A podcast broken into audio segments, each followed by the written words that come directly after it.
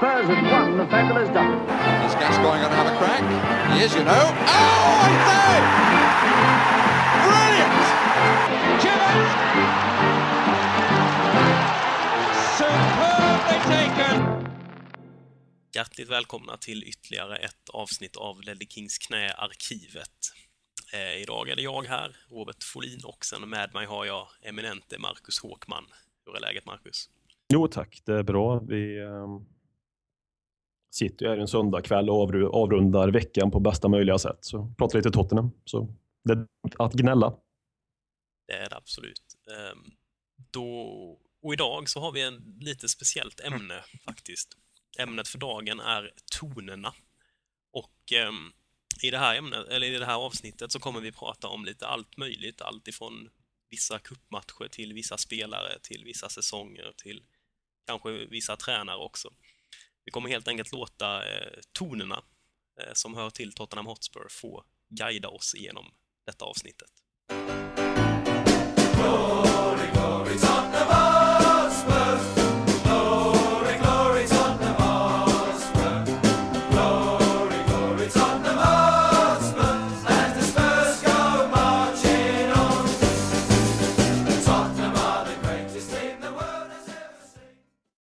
Där hörde vi tonerna till Glory Glory Tottenham Hotspur. En låt som eh, väl de flesta som följer Tottenham har hört någon gång. Det är väl en av de mest klassiska låtarna som spelas i samband med Tottenham. Eh, det är ju en låt som brukar spelas eh, efter matcherna på hemmaplan om det är så att vi har tagit en seger där. Eh, vad säger du Håkman, är det en låt som du känner något speciellt för? Det är nog den Tottenham-låten jag känner starkast för. Kanske inte den låten, Tottenham-låten jag tycker nödvändigtvis är den finaste Tottenham-låten, men eh, det var den Tottenham-låten som jag hör, hörde första början. När man satt och kollade just på Tips Extra eh, på 90-talet så spelade de ju den här låten som du säger när vi vann. Och, eh, ja.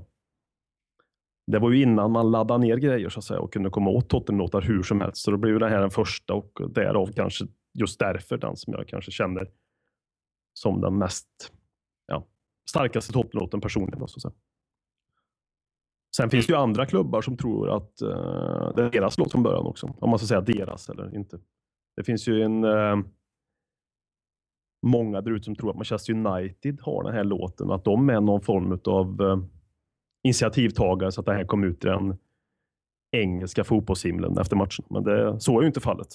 Nej, så är det absolut inte. Eh, de var ju på de Storbritann på de, på, I Storbritannien så var ju eh, Hearts uppe i Skottland det första laget som faktiskt anammade den här låten. Och Tottenham var faktiskt det första laget i England som började spela den här låten, eller gjorde sin version på den. Eh, idag kan man väl annars tro att eh, Manchester United med sina The Reds Go Marching On är eh, initiativtagarna till denna och att Tottenham har försökt sno åt sig den låten, men så är det ju inte. Det är ju snarare tvärtom. Det är ju United som vill vara Tottenham i det här fallet. Ja, ja. och det, det, det ska man ju inte kritisera dem för att man vill vara Tottenham. Det är väl, det är väl lite rimligt att vilja vara så. Jo, visst är det det. Men hur känner du inför den här låten om man ska bolla vidare samma fråga som du gav till mig? Där? Mm, ja, jag har, det är ju en låt man alltid har, så, så länge man har följt Tottenham någorlunda, så har man associerat den till Spurs. Eh, det är väl inte den, den roligaste låten kanske med Tottenham heller, men det är ju en klassisk låt som man på något sätt det känns ju rätt att det är den som spelas efter hemmasegrarna. Det känns som den har en naturlig plats där. Um, det är ganska, jag tycker det är ganska intressant att den sjungs ju inte direkt av fansen heller på matcherna. Det är liksom bara låten som spelas på arenan. Mm. Eh, Det är där Mm. den har sin plats. Eh, För det kan ju vara värt att, poängtera här, detta är ju inte låten som har inspirerat till When the Spurs Go Marching In, som sjungs av fansen. Den är ju från, från eh, When the Saints Go Marching In, Ehm, en annan låt. Den här låten har ju sina rötter i amerikanska inbördeskriget. Det var en gammal patriotisk låt som hette The Battle Hymn of the Republic, eh, som skrevs någonstans nere i amerikanska södern och sjöngs där enligt eh, sägen både av, eh, av båda soldater på båda sidor i inbördeskriget faktiskt. Så det är lite Jaha. sådär omtvistat om vilken det är som äger den här låten. Inte helt olikt eh, eh, fallet här i, på de brittiska fotbollsöarna. Nej. Det är flera det, som vill claima den här också. mm. Mm. men här är väl ganska tydligt vilka det är som, som vi nyss sa.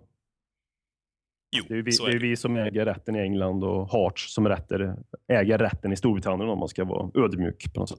Så är det. Det är vi som, eh, som, eh, skaff, som fixar gloryn här i Mm. England. Mm. Ja, eh, ska vi ta och ge oss, kasta oss vidare till nästa låt kanske? Absolut. Då gör vi det.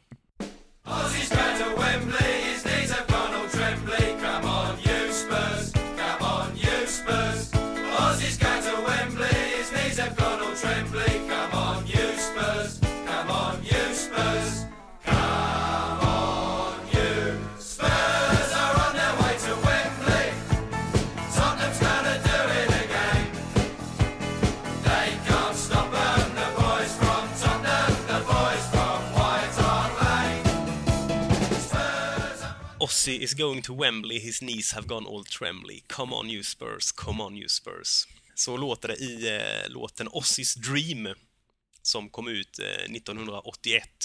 En låt av eh, det ständigt aktuella Chas and Dave, detta magiska eh, Rockney-band som de kallas för. Det är liksom Cockney-rock, så det blir Rockney. Um, ehm, låt som då skrevs inför fa Cup-finalen 1981 då vår allas vår favoritargentinare Ossi Ardiles skulle få uppfylla sin dröm och spela en fa Cup-final på Wembley. Ehm, vackert väl, Håkman, eller vad säger du? Ja, det är väldigt, väldigt vackert och det är väl ganska unikt kan jag tänka. Man döper, alltså att sjunga fa Cup-sånger i England är ju en tradition, fin, väldigt fin. Jag vet inte om de fortfarande är aktiva eller inte. Helt ointressant nu, men man döpte den efter en specifik spelare också.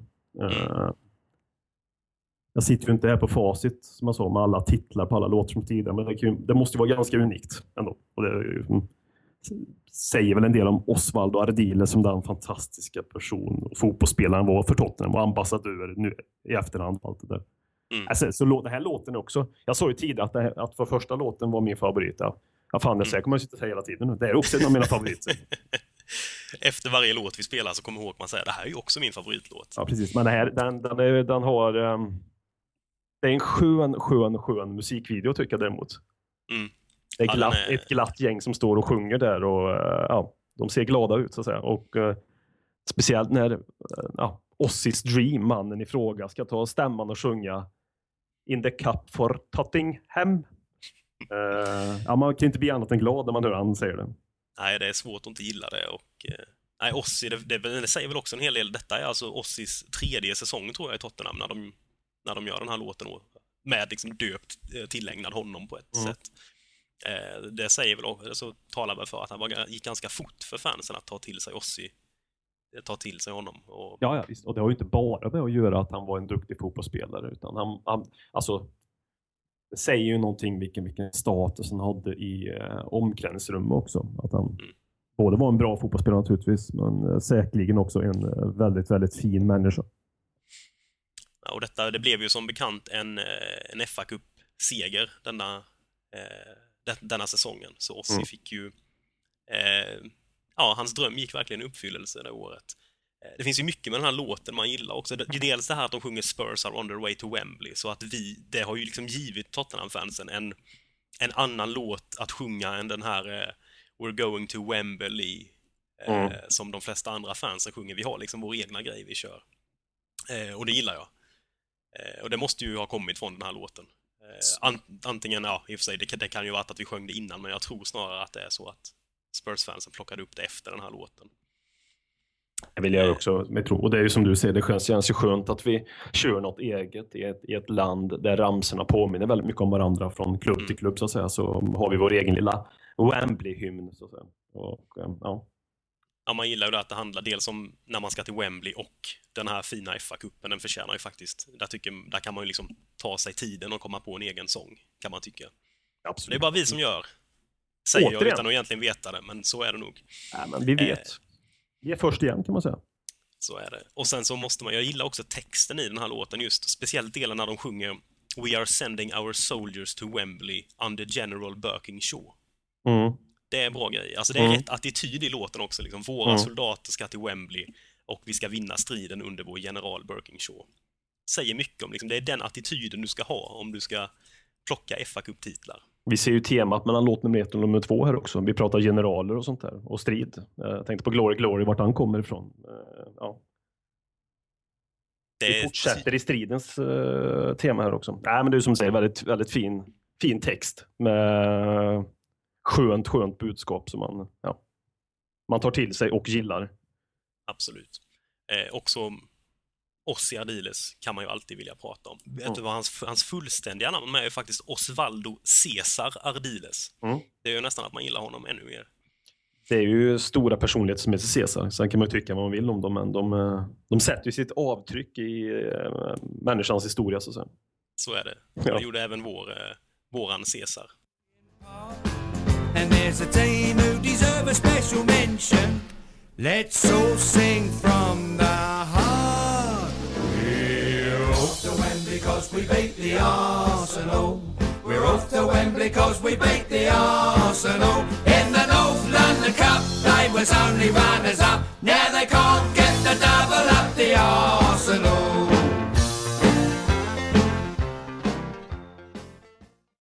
We're off to Wembley cause we beat the Arsenal. Eh, så låter det i sången The Victory Song. Även den här framförd av eh, det kära Chas and Dave. Eh, den här låten skrevs ju då 1991 efter att eh, Tottenham hade tagit sig till ytterligare en fa Cup-final. Efter att man hade har besegrat Arsenal med 3-1 i semifinalen på Wembley. Känslor kring den här låten, Håkman? Um är stora. Eh, och framförallt är ju känslorna till den här fa Cup-segern störst. Det är den finaste trofén jag har varit med om som Tottenham-supporter. Även om man bara var då 12 år. Eh, så är den här den finaste av de tre jag upplevt. Så ja, nej. Och just att vi just stängde där och då vill jag ju inte minnas att jag tyckte att segern mot Arsenal var så jävla viktig för mig. Men, men det är någonting man har med åren förstått innebörden av och hur, vilken klassisk match det är för Tottenham. Eh, 3-1-seger just i semifinalen och jag är själva verket nästan större än finalen faktiskt. Eh, Mm. Och om man bakar in allt som var i den semifinalen där också, om vi ska börja där, eh, att det var en eh, frispark som Paul Gascoigne gjorde mål på, 1-0, som är ett av de vackraste frisparksmål på Wembley, i Wembleys historia sägs det. Och det är inte bara någonting man säger som Tottenham-supporter utan det säger ju folk eh, som inte har Tottenham-tröjan på sig även. Ja, det är en riktig projektil rakt upp i, i krysset av den kära Gassa. Ehm, och där, men det säger ju en del det du säger med just den här eh, matchen mot Arsenal. Den blev väl viktig med för att Arsenal hade väl redan säkrat ligaguldet det året och kunde ju då ta dubben. Det sjunger de ju även om i den här låten att Now they can't stick the double up their Arsenal. Mm. Ehm, Man gillar ju den texten där. ja, den är, den är riktigt bra. Det, jag håller med om den. Den delen är, den är superb. Mm. Jag gillar även den delen eh, när de sjunger In the North London Cup they were only runners up. Mm. Den är, det är fint. Ja, Och man, detta är gillar, också en låt som, eh, ja, tar du. ja, men man gillar ju det att spelarna också hänger på den här rivaliteten. Eh, som säkerligen det var viktigare för spelarna. Jag tror de förstod den bättre just för att det kanske var lite mer local lads. eh, det var lite mer brittiska spelare överlag som eh, tog till sig den här derby eh, derbykänslan mer. Nu var ju inte spelarna själva som skrev låten, det är ju medveten om. Men, men ja, nej. Hyser Nej, det- starka känslor för texten i den här låten framförallt. Absolut. Nej, men som det du är inne på också, laget som spelade eh, här. Det var ju, förutom Erik Thorsvedt, vår kära målvakt, så var det ju Najim eh, från Spanien då, den enda i truppen som inte var britt. Alla var engelsmän utom eh, Pat van den Hoy. Eller Hoy, heter han va? Ett van der ha. How säger man. Mm. Fan, eh, Hoy, jag kan ingenting. Ja. Han var ju walesare då. Mm. Väldigt så det var ju som du säger mycket, ja, väldigt fint. Eh, mycket britter i laget. Och vår Mm. kära Paul Gascoigne, Gary Lineker, Paul Allen, Gary Mabbott, David Howells, Paul Stewart. Det var många sköna lirare med på den här tiden. Paul Walsh. Med långa, långa Ja. håret. Uh, nej, det var ett fantastiskt fint lag. På alla de sätt. Liksom. Och, ehm, jag kommer ju också, du, du är inne på Najim där. Det finns ju en, om vi ska bara mm, ge oss en minut eller tio sekunder komma från just den semifinalen där. Att Najim gjorde ju ett mål i en Uefa Cup-final som eh, är bejublat. Det är kanske hans största Tottenham-insats. Najim from the halfway line. Han sänker Arsenal Eh, så han tjänstgjorde även i Tottenham Sverige, även när han spelade i Real Zaragoza. Där och då. Mm. He was born to play for Spurs, skulle man kunna säga. Mm, absolut, absolut. Och detta året då så gick vi vidare eh, och vann FA-cupen. Mm. Vi besegrade Nottingham i finalen med 2-1. Och om vi säger att Gassa eh, hamnade i, i, i, i huvudrollen i semifinalen via sitt frisparksmål så får man ju säga att han gjorde det återigen i finalen, men kanske av helt fel anledningar. Eh, han tidigt i matchen så slängde han sig in oerhört våldslöst i en tackling och skadade sig själv. Så pass att han, fick, han blev utburen på bår. Och det var väl den sista insatsen han gjorde i Tottenham. I fa Cup-finalerna. Mm. Ja, han skulle ju skriva på för Lazio den sommaren, men det blev ju uppskjutet på grund av skadan. Um, det var en incident även lite innan den, som du nämnde där, som han borde egentligen blivit utvisad i. Mm. Um, en riktigt ful tvåfotare. Så han, han var nog väldigt övertaggad, vår kära Paul Gascoigne, uh, till den här finalen. Uh, det var ju mycket, mycket han som, som bärde oss vidare också, sägs det ju. Alltså från omgång tre till omgång sju, eller vad det blev, omgång åtta, den sista. Uh, men ja, Ja, vad, vad har vi där? Match, matchutvecklingen. Stuart Pearce, a.k.a. Psycho, stängde ju in den frisparken som blev efter mm. Paul Gascoignes kapning på Nottingham-spelaren. Och därefter, han, fort, han försökte ju spela vidare Gascoigne också. Mm. Jag minnas. Ja, men det... Där han, sen är det väl, han lägger väl sig bara ner när han inser att det inte går och sen kommer de och bär ut honom. Mm. Um, men sen så vände ju Tottenham matchen. Uh, kvitterade genom uh, Stewart Mm. Eh, Paul Stewart Mm. i andra halvlek och sedan på tilläggstid så gjorde eh, Walker i eh, Nottingham självmål. Mm. Des Walker. Tottenham kunde lyfta sin åttonde och senaste fa Cup pokal. Och Ehm, mannen som lyfte detta, det var ju Gary Abbott. Ja, det var ju en kapten som vi båda eh, håller väldigt varm om hjärtat. Mm. Sen finns det ju en liten, um, en liten kuriosa som hände efter matchen. där. Just, eh, väldigt, väldigt snabbt efter de hade lyft den här pokalen så åkte de direkt till sjukhuset som Paul Gascoigne låg vid och uh, firade fa Cup-seger med honom där en stund innan, det, innan de gick vidare på andra festligheter under kvällen. Men det visar ju också vilken, vilken fin lagsammanhållning och man insåg också Paul Gascoignes värde för den här titeln. Så att säga. Då var ju Gary Abbott en av dem som var initiativtagaren till just detta. Att man, man drog dit istället för att slösa tid i omklädningsrummet. Så att säga. Det är klart att Gassa måste vara med på festen. Annars är det ingen fest. Nej. Och vad säger du om låten i sig? Då? Det är ju lite grann, det är ju texten som är som värmer kan mer än eh, ja, allt annat. Ja, nej, låten i sig är väl en, eh, som de flesta fotbollslåtar. Egentligen inte jättemycket att hänga i julgranen, men texten lyfter ju den till eh, oanade höjder. Och det är också det här att just att vi, eh, det är samma sak här, fansen har ju plockat upp detta och sjöng ju den här eh, 2008 när vi gick till ligacupfinal. Då fick vi ju återigen slå ut Arsenal i semifinalen. Och då var ju den här sången mycket riktigt tillbaka och sjöngs på White Hart Lane den här vackra kvällen när det blev 5-1 till Tottenham. Så det är en låt vi hoppas att vi får höra mycket framöver. Eh, det hade varit fint att få slå Arsenal i en semifinal någon gång igen.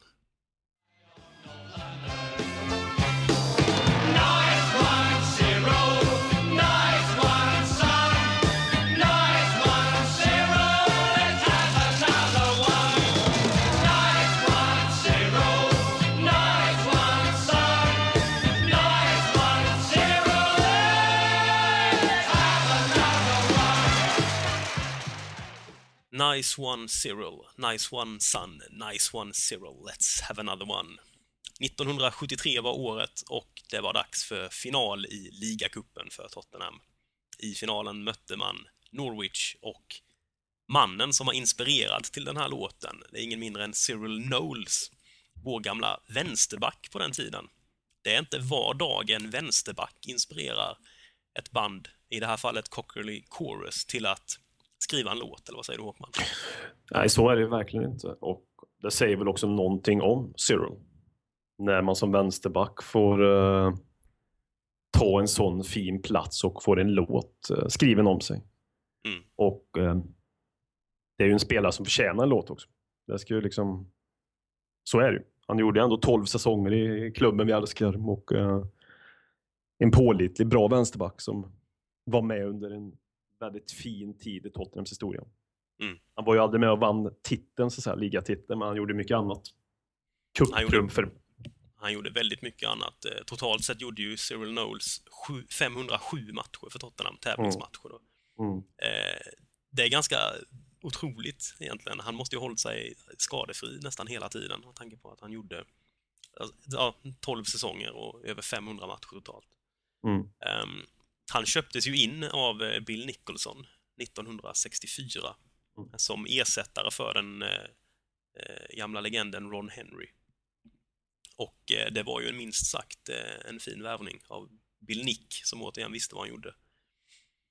Eh, och eh, av många som har följt Tottenham en längre tid och historia som har, historiker som har koll på Tottenham förr, så han, det är ju ganska nästan sådär generellt accepterat eller vedertaget av dem att detta är den bästa vänsterbacken vi har haft i Tottenham. Och statistiken talar ju onekligen för det i alla fall. Ehm, låten, vad känner du om den, kring den Håkman?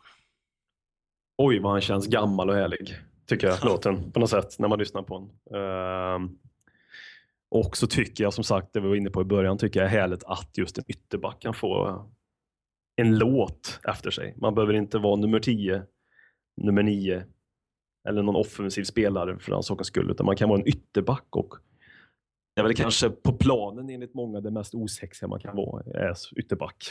Ehm, men eh, när Cyril spelade ytterback så var det verkligen inte det osexigaste och ja, låten därefter är... Ja, jag gillar låten. Mm. Ehm, just för att det är efter en ytterback och just för att han känns så genuint gammal även tills, alltså 73 var det ju ändå rock'n'roll och pop. Alltså, så jag menar, man kunde ju ändå få, eller 1970 från min den här låten. Var det va? Mm. 73, 73. 73, ja förlåt. Eh, så var det ju ändå poprock, men han är, känns ju ändå som att han är, skulle lika gärna kunna vara skriven 1953 Ja. när man lyssnar på den. Och det, för mig förhöjer låten på något sätt. Du är inne här och pratar om, eh, om eh, ytterbackar och att det var en ganska osexig position. Eh, Mm. Cyril var ju en som eh, faktiskt eh, många pratar om började liksom utveckla ytterbackspelet. Han var ju inte bara en försvarande ytterback, eh, utan han var ju faktiskt eh, väldigt uppskattad för sina fina inläggsfot också. Och tillsammans med eh, allas vår favorit Joe Kinnear så Mm. bildade han faktiskt ytterbackspar i många säsonger i Tottenham. Och det var väl eh, en, ett finfint överlappande ytterbackspar där som kunde krossa.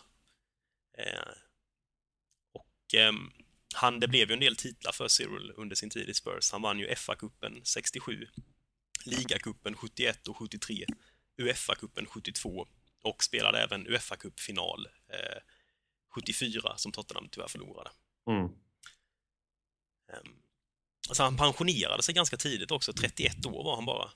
Eh, han hade knäproblem, som många andra legender i vår kära klubb. Det var inte lika välställt med rehab och eh, den delen då på den tiden. Man körde tills kroppen var slut helt enkelt på ett annat sätt tror jag. Ja, Ändå ganska imponerande att vid, när man slutar vid 31 års ålder ändå har hunnit göra mer än 500 matcher för Spurs. Och då hade han ju ändå spelat i Middlesbrough innan, han hade gjort ett par säsonger där. Mm. Så är det. Ehm, tyvärr så eh, efter karriären så eh, började han arbeta lite som tränare.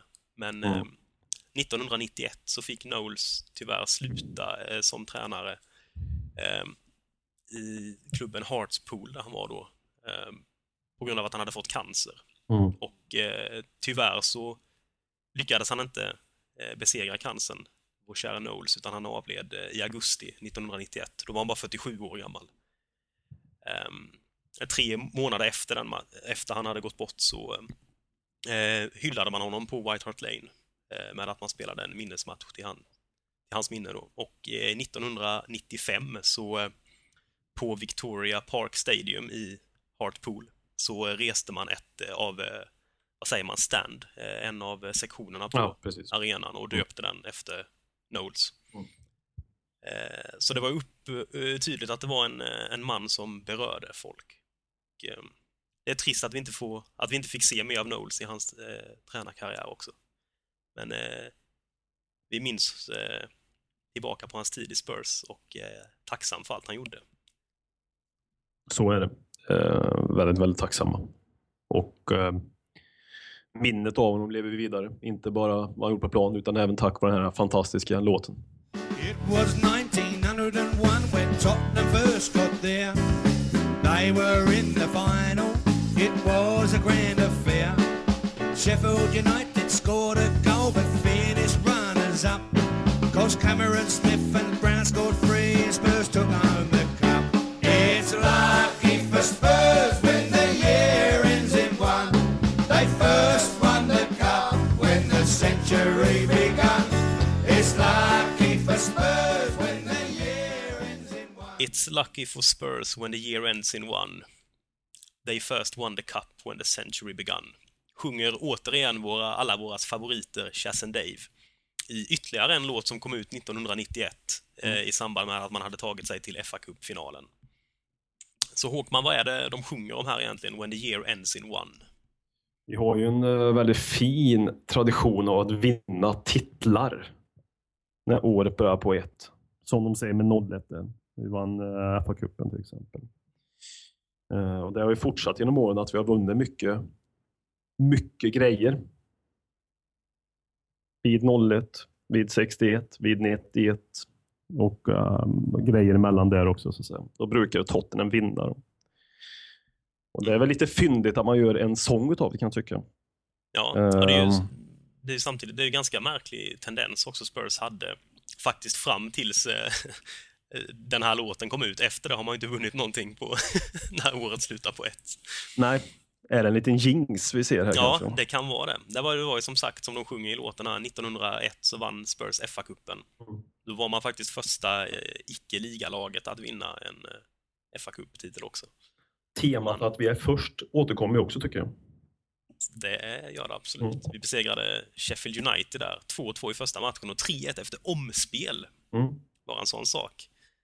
En gammal lirare, Sandy Brown, gjorde tre mål i, sist, i omspelet och han gjorde totalt 15 mål i turneringen det året. Det ganska, måste vara ganska unikt.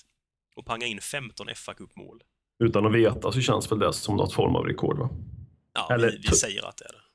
Det är väl klart att vi eh, säger att det är så. Och det är väl säkerligen med all sannolikhet så också att de här 15 målen under fa Cup-säsongen 1901 även står som rekord. Ehm, ja, men det är ju det är ju någonting eh, ja, väldigt fint att vi vann så mycket just med det. Liksom. Också som sagt ligatitlarna där också, som 51 och 61. Och, Mm. eh, att vi vann mycket och det, är liksom, det, det hände lite väl många gånger. Eller väl många gånger, ursäkta uttryck. Det hände utan att man ska kunna tro att det är en slump. Och då är inte jag någon person som tror på eh, andliga saker. Men det är nästan som att man kunna tro på detta sättet. Att vi Mm. gick in med en psykologisk boost nästan inför de här, när året stod på ett. Ja. Nej, men 1921 var det FA-cupen också. Sen var det Mm. 51 ligan, 61 dubben, 71 ligacupen, 81 FA-cupen, 91 FA-cupen. Mm. Sen har det ju tyvärr tagit stopp där. Då har vi Ehm, gjort det. Men eh, det är ganska kaxigt också av Chas Dave här att gå ut inför en sån här final och sjunga att when the year, it's lucky for Spurs when the year ends in one. Och det blir också då, det blir nästan ännu mer eh, vansinne här då när eh, Gascoigne blir skadad direkt i finalen och Pierce drar in en frispark i krysset. Ehm, Vad är pulsen på de två där då tror du? Ja, de, de, de känner nog det. Det är inte bara Spurs eh, cuptitel som är i farozonen här. Deras singel här kan ju också påverkas eh, på ett negativt sätt om, om, om Spurs inte vinner den här titeln. Man, man brukar säga att eh, Ravellis räddning 94 ändrar hela hans liv. Och det lite grann var det väl så även också här för dem att hela den fa Cup-finalen kunde ändra deras liv. Om det nu det- inte hade blivit så en 2-1-seger. Kan du ta väldigt, ab- ja, väldigt en annan vinkel så säga. Kanske inte Det lika... kan det gjort. ja. Det var, kan vara så att det var Des Walker som räddade Chas and Daves trovärdighet här.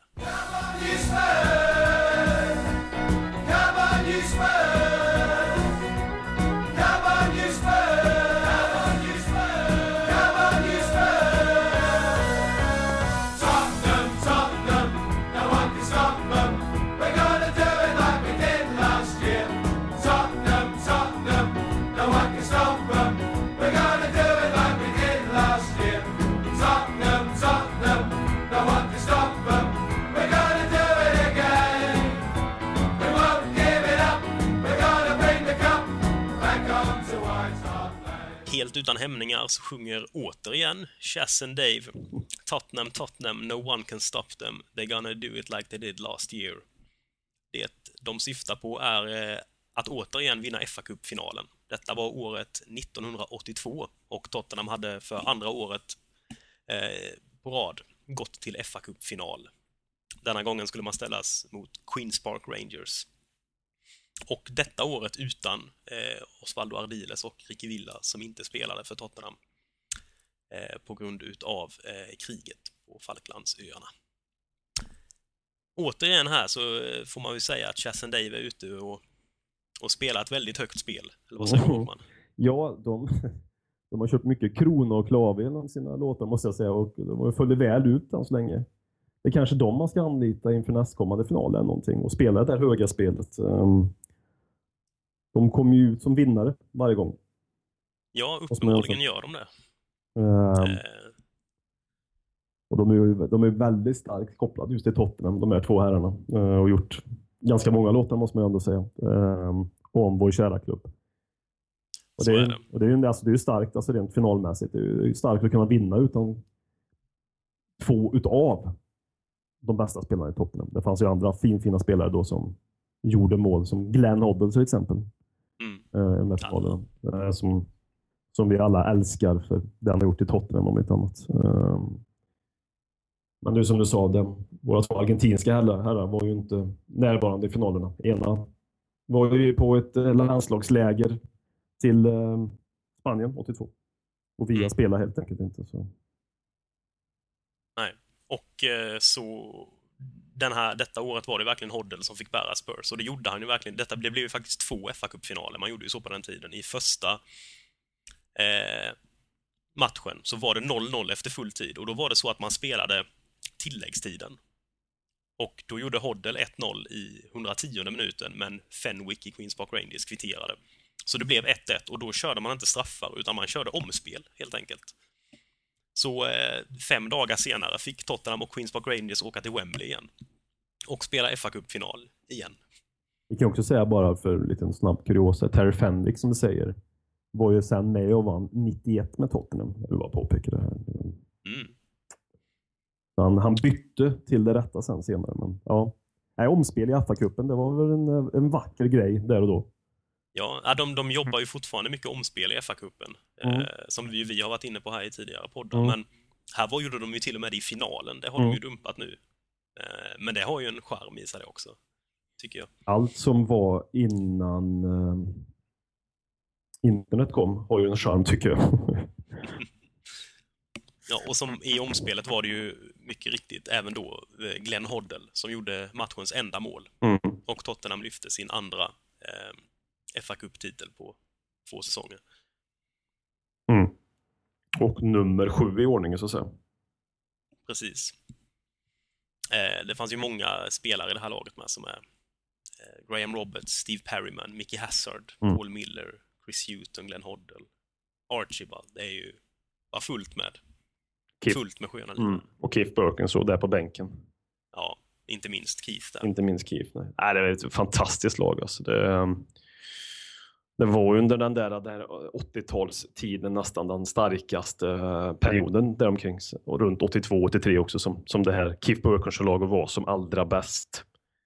Eh, tabellmässigt och spelmässigt. Eh, så det var ingen slump att vi tog hem två raka FA-cuptitlar då.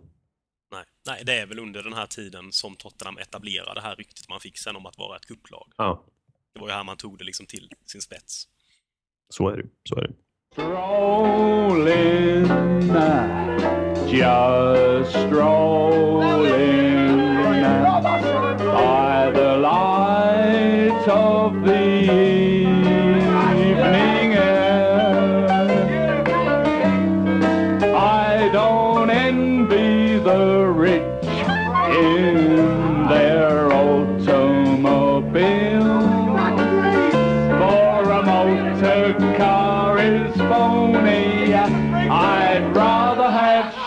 Shanks's pony when I'm strolling. I don't envy the rich in their automobiles. For a motor car is a phony. I'd rather have Shanks's pony. Vad säger du om det här, Håkman? Eh, Kärlek säger jag. Eh, När jag hörde det här för första gången som var inför vi skulle spela in detta så eh, den gick på repeat. Tiotalet gånger på jobbet till allas eh, förvåning. Eh, men eh, det förtjänar den ju. Och jag tycker att övriga som hör det här för första gången, för jag kan tänka mig att inte alla har koll på den låten riktigt. Jag vet inte vad du tror där Robert, men eh, jag tycker man ska lägga in på vardera Spotify-lista som nummer ett. Så att säga. Ja, jag tycker nästan man kan lägga in den flera gånger i samma lista. Ja, du har aldrig upp frekvent. Ja, ja, du, ja, du har ju så rätt, så rätt. Så. Uh, men Jimmy Greaves, det, är ju, det kan väl... Uh, alltså herregud, där har vi ju verkligen en spelare som uh, kunde konsten att göra mål. Ja, Eh. vi får bara, bara poängtera det här. Det är alltså vår gamla Ja. skyttekung Jimmy Greaves Ja, som ja, sjunger visst. den här låten. Ja. Du ser, jag tog Från- sak för givet. Ja, ja, men från 61 tror jag det var så spelades det in någon skiva där. Det, fin- det finns flera andra Tottenham-spelare som sjunger på den också. Mm. De sjunger diverse låtar. Jag tror eh, Kinnear sjunger någon gammal irländsk eh, sådär, traditionell låt tillsammans med någon annan. Så det är... givetvis Jimmy Greaves sjunger Strolling, Och Sommar sjunger.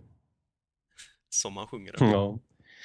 Ja, men Jimmy Greaves gjorde ju en, eh, nio säsonger i Tottenham. Kom till Tottenham 61. Eh, var med och vann eh, en eh, liten grej då. Eh, var i Tottenham till 1970 och hann med göra i ligan här nu då. 220 mål på 321 matcher. Ja. Alltså, ta den och känn på den lite grann. Och så förstår man ju vilken fantastisk målskytt han var under en sån lång tid så att säga. För Mm. oss. Vi köpte den ju ifrån, han började, vart han började spela fotboll är inte så viktigt. Ehm, det behöver vi inte säga, eller hur? Nej, jag vet inte ens var det var han började, så det... det Nej.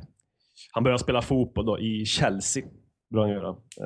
Ehm, och eh, bara för att man ska hylla Jimmy Greaves som han förtjänar så gjorde han ju även mycket mål i den klubben så att säga. Ehm, gick till AC Milan, var där under en väldigt kort tid. Tottenham köpte den för då en rekordsumma av vad blir det? En miljon svenska kronor ungefär. 100 000 Ja. pund. Ja, det Ehm, var ju faktiskt så att det, han kostade 999 000. Ja, precis. Ja, det var väl lite... Ja, precis. Så det har de väl dividerat om. Bill Nicholson ville inte att han skulle få eh, pressen på sig att vara den första spelaren som kostade 100 000. Nej. Ja, det, det. Han jobbar psykologiskt med Nicholson. Ja. Jobbade, rättare sagt. Eh, han var ju även med och vann VM 1966, Jimmy Greaves. Uh, spelade de tre första matcherna här i, um, i slutspelet från start. Så att säga. Eh, efter den här fantastiska fotbollskarriären som han hade så började han även jobba inom media. Uh, jobbade, skrev för The Sun. Han har även suttit i BBC som eh, expert kommentator och satt mycket med i studion så att säga. Eh, lite grann som eh, många andra gör nu för tiden. Eh, jag vill inte säga de namn, kommer jag på. Nej, men han, alltså, han låg ju väldigt många, det är ju flera säsonger som han gjorde över 20 mål i Tottenham. Gå in och kolla på statistiken för att förstå. Jag vet inte riktigt. Ja, jag har gjort en liten kort... Alltså han var nio säsonger i Tottenham. Ja. Eh, I fem av dem gjorde han över 25 mål i ligan. Mm. I två av dem gjorde han över 30. Han gjorde över 20 mål i sju av de säsongerna. I ligan bara. Mm. Räknar man in kupper också så i sex av nio säsonger gjorde han mer än 30 mål. Det är en helt sanslöst... eh, konst, alltså att man kan leverera så mycket, det är helt tokigt. Ja, det är sinnessjukt bra alltså. Sinnessjukt bra. Uh, vår kära Jimmy Greaves har vi även nu ett Twitter-account som man kan rekommendera att gå in och kolla på. Så man håller sig Ja, lite absolut. aktiv i. Så det, det, det tycker jag han är väl värd att följas och, eh, och ska också följas. Eh, nej, men han, han har ju verkligen tagit till sig Tottenham också, Jimmy Greaves, efter karriären. Det är inte så att han eh, valde en annan färg så att säga, utan det är ju Tottenham han, som han är kopplad till och som han känner för och som han pratar om. Eh, och naturligtvis med i våran All of Fame också naturligtvis. naturligtvis. Givetvis. Givetvis. Han är ju den, vår bästa målskytt genom tiderna och frågan är väl om vi någonsin kommer se någon som, som kommer tangera hans rekord.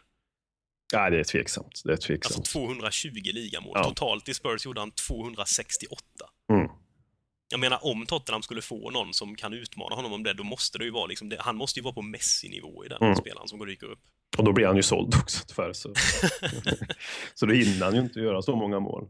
Det är väl eh, den verkligheten vi lever i nu. Greaves. Jag tycker, jag tycker man ska ta tillfällen att läsa lite om Jimmy Greaves om man inte redan gjort det, just för att förstå vilken fantastisk fotbollsspelare det var och framförallt vilken fantastisk... Det var en målskytt, liksom. det ser man ju på statistik, men det var ju också verkligen en killer i straffområdet som var just en specifik målskytt. Mm. Um, Nej, och eh, med tanke på eh, hur otroligt vackert han sjunger den käre Jimmy så får han gärna förbli vår bästa målskytt genom tiderna, känner jag. Jag vill liksom inte ha Jimmy bort från den här, detta rekordet. Nej, nej, nej, nej, nej. Han får gärna sitta där så länge jag är, är med och även efter den tiden så att säga. When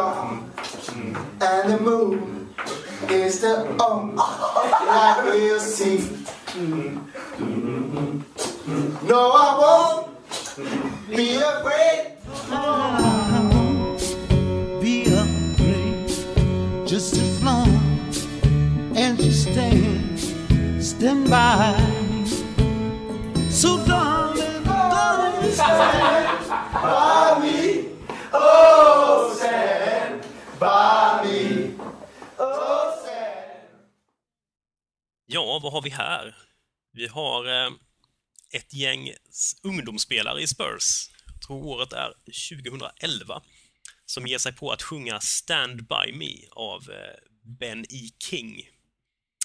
Huvudpersoner i, den här, eh, i detta framträdandet är ju Andros Townsend, Tom Carroll och eh, Oscar Jansson faktiskt. Mm.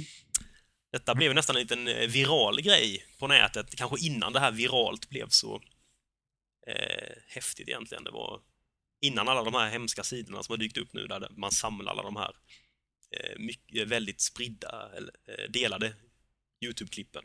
Mm. Som vanligt så var vi där lite innan i Tottenham. Lite först ja. ja. Vi jobbar gärna i framkant. Ja, vad, vad tänker du om den här Håkman? Vad tänker vi om Townsends eh, framträdande? Ja. ja men den är alltså. Vad säga om den här låten? Eh, den är. Eh, den är otippat när den kommer om man säger så. Eh, låten i sig är ganska fin och den är. Den var ju skön att se på på något sätt för det var det, var det här ungdomliga som man såg det. Och lite roligt att vi har Oskar Jansson med på en liten, på litet hörn där också. Mm. Eh, Ja, detta kan väl kanske tyvärr bli hans, eh, alltså det, eller tyvärr, det blir väl hans största intryck i Tottenham, eller det är, Kanske hans finest hour ever också. ja, det är väl det han lämnar efter sig så till, eh, i Spurs. Mm. Vad tror vi om de andra två här då? Tom Carroll och Andrews Townsend? Kommer det vara det största avtrycket de gör på Spurs också, eller har vi, tror vi att de kommer nå högre höjder än detta? uh, tveksamt va? Eller? Ja, det, tyvärr är det väl kanske det. Ja. Eh, nej, men den här är svårt att få något tydligt grepp på den låten. Den, den, den, den är ju viktig att ha med just för att den säger någonting om uh, tidseran här och nu på något sätt sådär, kan jag tycka. Och eh, ja, det är långt ifrån låten innan, men ändå ack så viktig och vacker att ha med. Mm. Ja, det var lite det jag tänkte när vi la upp ordningen här på låtarna, att först har vi Greaves från 60-talet, här med Mm. sin Strolling. Mm, Här kommer Townsend och Carroll kör Stand By Me på Mm. 2000-talet. mm. Det har hänt lite ändå. Det har gjort det. Och det är inte nödvändigtvis så att det har blivit till det bättre. Nej, men det är ändå, ja. Alltså om man inte har hört detta eh, tidigare så rekommenderar jag att man går in på YouTube och letar upp den. Det, finns, det är fantastiskt på det här klippet också att Harry Kane sitter intryckt i hörnet med benen uppe på bänken i omklädningsrummet och tittar på mobilen. Jag förmodar att han har texten där på. För de andra, flesta andra sitter med sina mobiler och ska eh, hänga med i texten. Men han sitter liksom bara och tittar ner och ser ut som han skäms lite sådär, vågar inte riktigt, jag vill inte, vill inte sjunga. Det säger Det lite är att den, kul. ja, den som kanske tar min plats i den där videon är också den som tar mest plats nu på något sätt. Ja, så, så är det ju. Det kanske var så att Kane kände att äh, men de här grabbarna behöver detta. Mm. De har det liksom inte för att klara det på den nivån där jag kommer ligga sen. Så Fan. detta får bli deras, eh, deras eh, stund. Ja, precis. Ja. Nej, men alltså just det jag tycker, som du var inne på, där, det, det, det största behållningen med den här låten är inte låten i sig, det är väl videon i sig kan jag tycka. Mm. Och det går ifrån just eh, tonerna som vi är inne på här nu. Men, men eh, just den specifik håller väl jag videon högre upp än tonerna. David Clayton is Boomer Army, David Clayton is Boomer Army, David Clayton is Boomer Army, David Clayton is Boomer Army.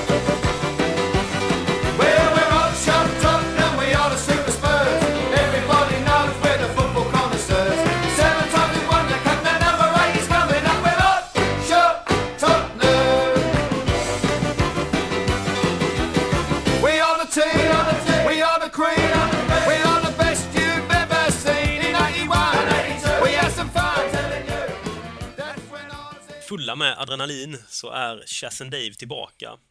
Denna gången sjunger de Number 8 is coming. Det de talar om är nästa fa Cup-titel som de har föreställt sig ska införskaffas här 1987 i finalen mot Coventry City. Men denna gång så eh, faller inte deras önskan in.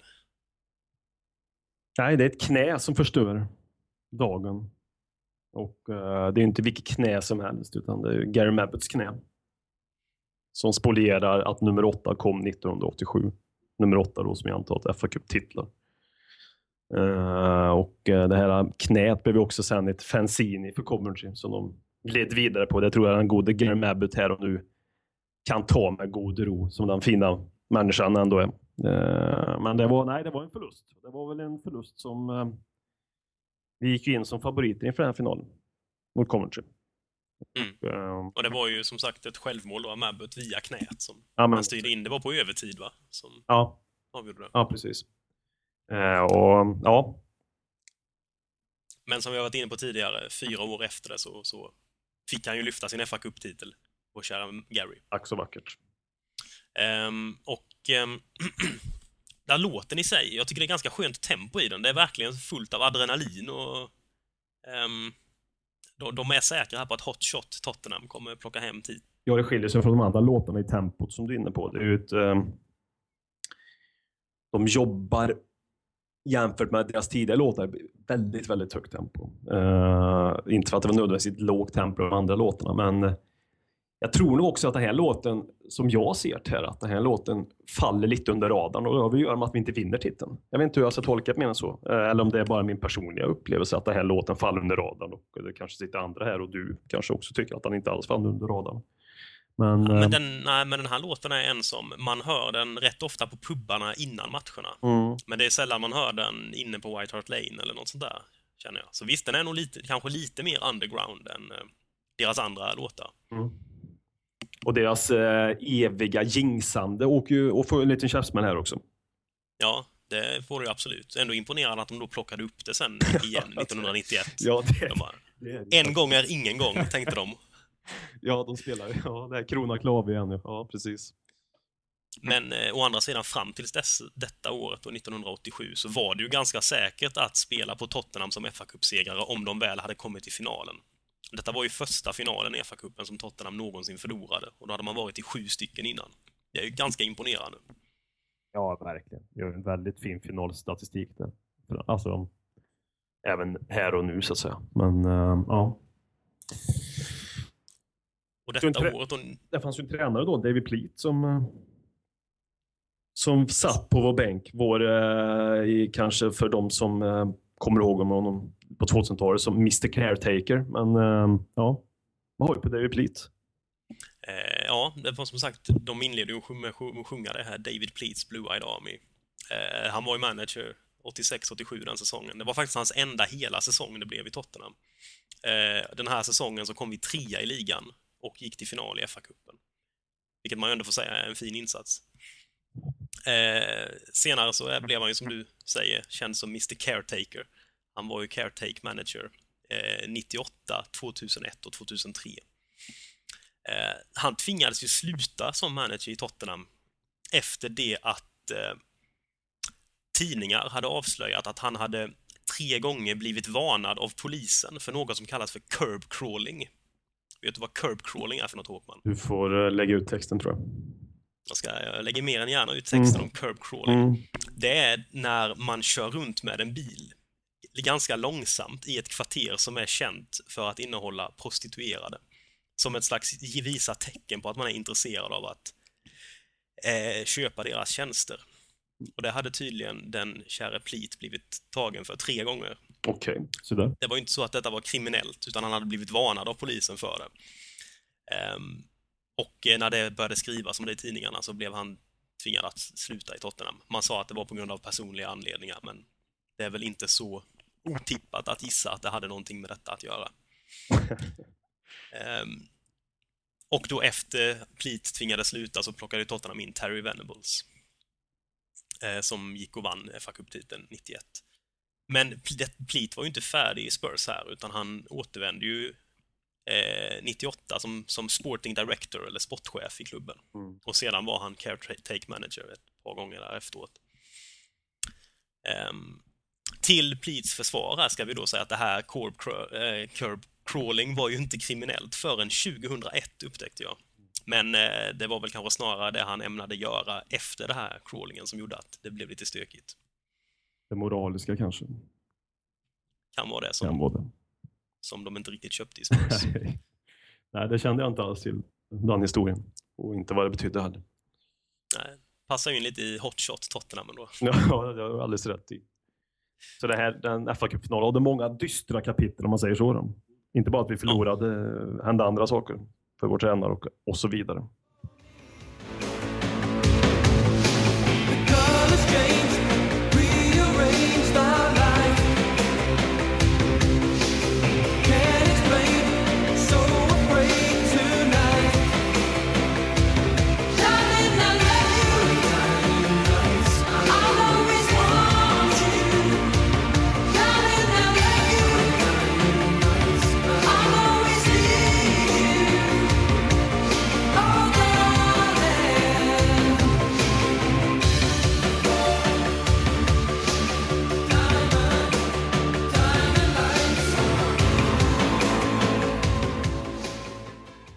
Darling, I love you, my diamond lights, I'll always want you. Darling, I love you, my diamond lights, I'll always need you. Oh darling, diamond lights. Detta var inga mindre än Glenn och Chris. Nämligen Glenn Hoddle och Chris Waddle. Som eh, 1987 slängde ur sig den här finfina singeln Diamond Lights. Vad känner du Håkman? Jag eh, känner att eh, man har missat en låt på dansgolvet. Det här, det här vill man ju uppleva någon gång. Ehm, och ehm, Det här borde man ju fråga efter allt oftare när man är ute.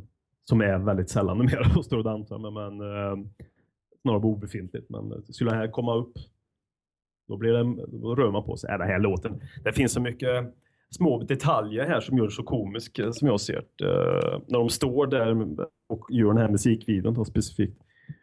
um, så ser man ju vad de egentligen tycker om det här framträdandet kan jag, kan jag känna någonstans. att uh, Glenn Hoddle njuter i fulla drag, är den koppling jag drar utav det. Medan uh, Chris Waddle kanske är lite mer tillbakadragen.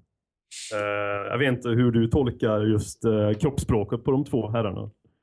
Eh, nej, jag tolkade ju likadant, Mm. precis som du tolkade. Och det hör man ju även här i sången. Den, den här eh, mörka basrösten i bakgrunden, det är ju Chris Waddle som kanske lite motvilligt står och mumlar med Mm. till eh, eh, vår käre Glenn som inte alls tvekar på att ta de här höga tonerna. och eh, jag tycker det är helt underbar både låt och musikvideo Ja, faktiskt. den det är så är- kul att de gör det också, för jag menar, här snackar vi, detta var då 87 med, Hoddle som har gjort sina, vad är det, 12-13 år i Spurs här, är ju en tog stor på alla vis. Tänker, ja men fan Chris, ska vi inte ta och göra något lite annorlunda? Ja, det är ju två spelare. Chris Waddle stod ju verkligen på sin piken av sin karriär nästan här också. Alltså det är ju inte... Du är inga, liksom, som, du är inga duvspelare heller på något sätt. Utan, nej. Nej, det är ju inte Tom Carroll och Andrews Townsend i omklädningsrummet direkt som behöver, eller som känner att ah, men det hade varit skönt att få lite uppmärksamhet. Utan, The stand by me, nej. Nej, precis. Nej. Nej. den, ehm, man känner starkt för den här. ja, vad tror, alltså, tror vi de trodde på att alltså, det här kan vi, det kanske inte är dumt att köra på detta ändå? Jag tror nog att är det någon som trodde på det så var det just Glenn Hoddle kanske möjligtvis. Som eh, trodde på Men den, den, den gjorde sig ju inte bort sig i alla fall. En Nej, extra den kom ju... Så jag menar, Den, det är riktigt, den tog sig in på topp 20-listan i Storbritannien faktiskt. kanske mer på grund av vilka som gjorde låten kanske.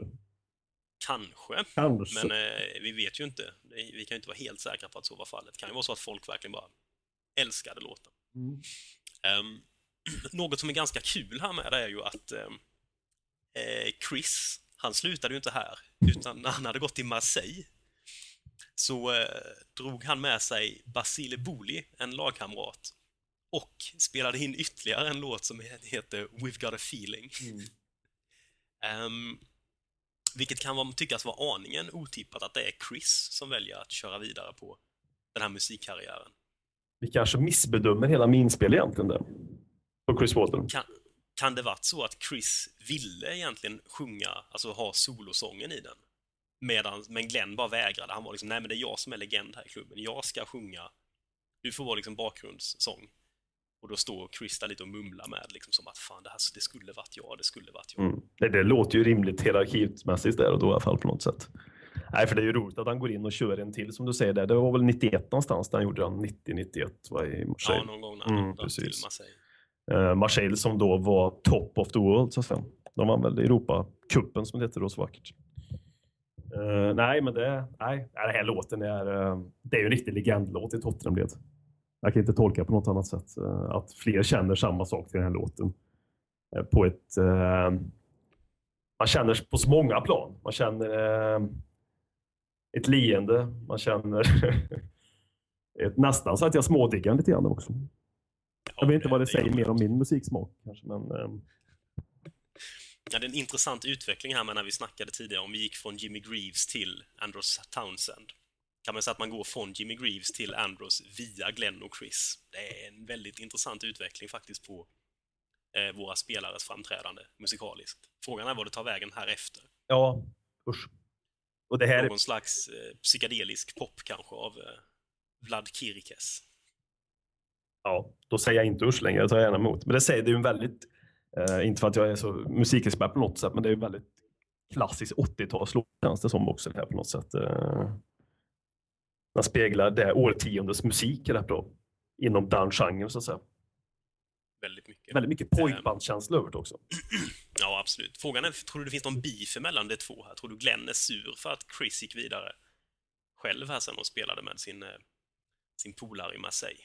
Ja, han är nog oförstående varför inte han som spelar in tre, fyra singlar till. Kan jag tänka mig, Glenn Odder. Um,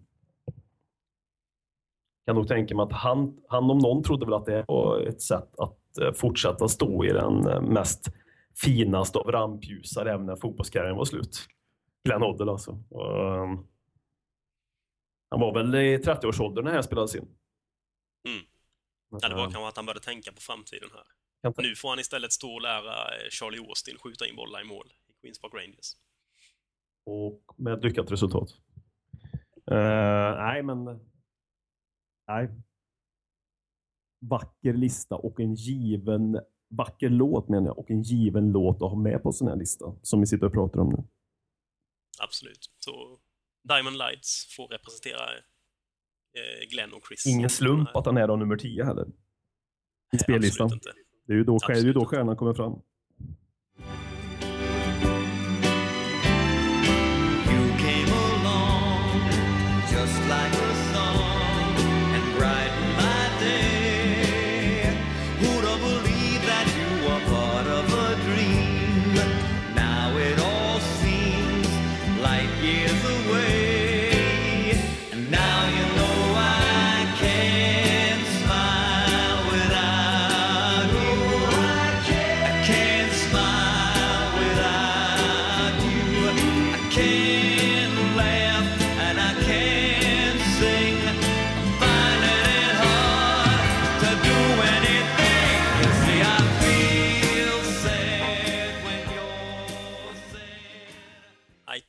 Smile without you, sjunger vår käre Barry Manilow. Eh, detta uttrycket, can't smile without you, har jag åtminstone så länge jag har hållit på Spurs aktivt så har man på något sätt varit medveten om att den här meningen I can't smile without you anspelar på Tottenham-fansens relation till Spurs. Ehm, men det är ganska oklart hur det hände egentligen. Vad har du för känslor kring detta Håkan? Jag Den tycker, här låten? mm, jag tycker det är en väldigt vacker låt om man drar, när man, speciellt när man drar kopplingen att så fort, han, så fort man hör låten och hör texten, att man också då tänker på Tottenham, så blir den väldigt uh, överensstämmande hur man känner. Ehm, så den här låten, det är väl ingen låt, om, det inte, om man inte hade haft en koppling till Tottenham med den här låten så Ja, det är väl tveksamt att jag hade lyssnat på när man säger så. Då. Men nu blir han däremot väldigt vacker. Och det, är så, ja, det är lite eh, härligt hur en, när man har en koppling till någonting, hur låten kan bli eh, 100% bättre helt plötsligt. Och den här låten är ett sånt exempel. Mm. Ja, det har ju varit så ett ganska, alltså ett ganska bra tag nu att den här låten, Can't Smile Without You, av eh, Barry Manilow, det är hans version vi snackar om. Vi snackar inte om den här The Carpenters. Den versionen är, den är inte tal om den. De sjunger dessutom inte det som Barry sjunger, så det är ju Barrys grej vi jobbar med. Absolut. Ehm, det, har liksom bara, det, det bara är en Tottenham-låt på något sätt. Mm. Det finns liksom eh, eh, flaggor på, på arenan där det står Can't Smile Without You. Det är liksom allmänt vedertaget bland fans att detta är en Tottenham-låt. Eh, det jag har läst om, eh, liksom som folk menar ska vara anledningen till att detta har blivit en Tottenham-låt, det är att det fanns en grupp fans som brukade åka på många bortamatcher och Eh, det var så att på, på bussresorna till bortamatcherna så var detta den sista låten de spelade. Eh, nästan hela tiden. Så då blev det att de avslutade varje bussresa med att spela den här låten och sjunga den. Och det tycker jag, på vissa håll så talas det om att detta är, liksom, den här låten har ingenting med Tottenham att göra egentligen. Det är konstigt att den liksom är en Tottenham-låt. Jag tycker att det är just sådana här saker som gör att det är en perfekt Tottenham-låt. Det har bara växt, alltså det har växt ifrån botten. Det är fans som har bara valt att börja sjunga den och sen har det blivit, jo men det passar ju oss, det är ju så vi känner. Ja, den blir ju mer äkta också på något sätt som du är inne på. Att det inte är någonting man skapar utan det är någonting som är skapats med tiden på ett naturligt sätt. Mm. Ja, det har växt fram organiskt. Exakt. Har det blivit en Spurs-låt. Man säger inte att nu ska vi göra en typ en inmarschlåt och så gör man en inmarschlåt specifik för den saken. Utan ska vi ha någon så är ju det här som vi ska ha som jag ser det. Ehm, Det vore väldigt vackert att få spelarna komma in till det här och supporterna få sjunga med. Så att säga. Jag är rätt övertygad om att det skulle bli bra drag. det är ju, de, den sjungs ju faktiskt då och då på bortamatcher. Eh, det är väl kanske med tanke på att låten är, den är ganska lång och det är eh, mer komplicerad text än vad man brukar behöva sjunga kanske på en, på en fotbollsarena. Så är det väl mer de som har lyssnat på det mycket och de som har hängt med ett tag som kan sjunga med Mm. den. Men jag tycker också det, den är ju en given låt att ha som inmarschlåt, tycker jag. För alltså den passar ju med det här allt man sjunger att I feel glad when you're glad, Mm. I feel sad when you're sad. Eh, det passar ju, det är så man känner kring en klubb. Ja, det, den, Jag i alla fall. Det, alltså, Ja. det påverkar ju en jättemycket hur det går för Spurs och det, låten fångar det perfekt. den är klockren ur den aspekten. Helt suverän. Och ehm, det är som jag sa tidigare, det är det som gör låten så bra just. För man har, alltså, när jag hör den låten så tänker jag direkt Tottenham. Mm. Eh, när jag hör den på reklam på tvn som man spelas nu lite grann. Tottenham. Det är, så, det är så extremt kopplat till Tottenham just den låten. Och 2008 när vi hade vunnit eh, ligacupen så var, går det, är det enligt rykten så att det var ett gäng Tottenham-fans som gjorde det de kunde för att försöka få den här låten till att bli nummer ett i Storbritannien igen. Det gick väl sådär, men de gjorde ett försök i alla fall och det får man ju, det får man ju uppskatta. Absolut. Ehm, Men nej, också det, jag tycker det egentligen så, det är ju en fin historia det här om att den ska ha växt fram genom supportrar som sjöng den på en, på en buss Mm. till bortamatchen. Men egentligen så, det spelar ju ingen roll var den kom ifrån. Alltså för på något sätt har den växt fram och blivit en Spurs-låt och det, ja, jag älskar det. Ja, vi är Så. fullständigt eniga. Mycket bra. Så då eh, säger vi det, vi börjar sjunga den här låten varenda gång när vi är på White Hart Lane från och med nu. Mm. Så uppmanar alla in och lyssna på Barry Manilow, Can't Smile Without You. Ta gärna er tid och ta ett par låtar till. Som respekt till killen.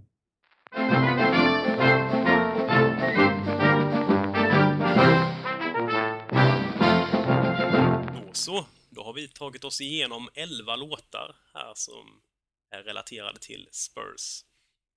Eh, och eh, egentligen fått en ganska så omfattande tillbakablick på Spurs historia och vi har pratat om alla möjliga spelare och mycket kupper har det ju blivit snack om. Vad, hur har det känts det här Håkman?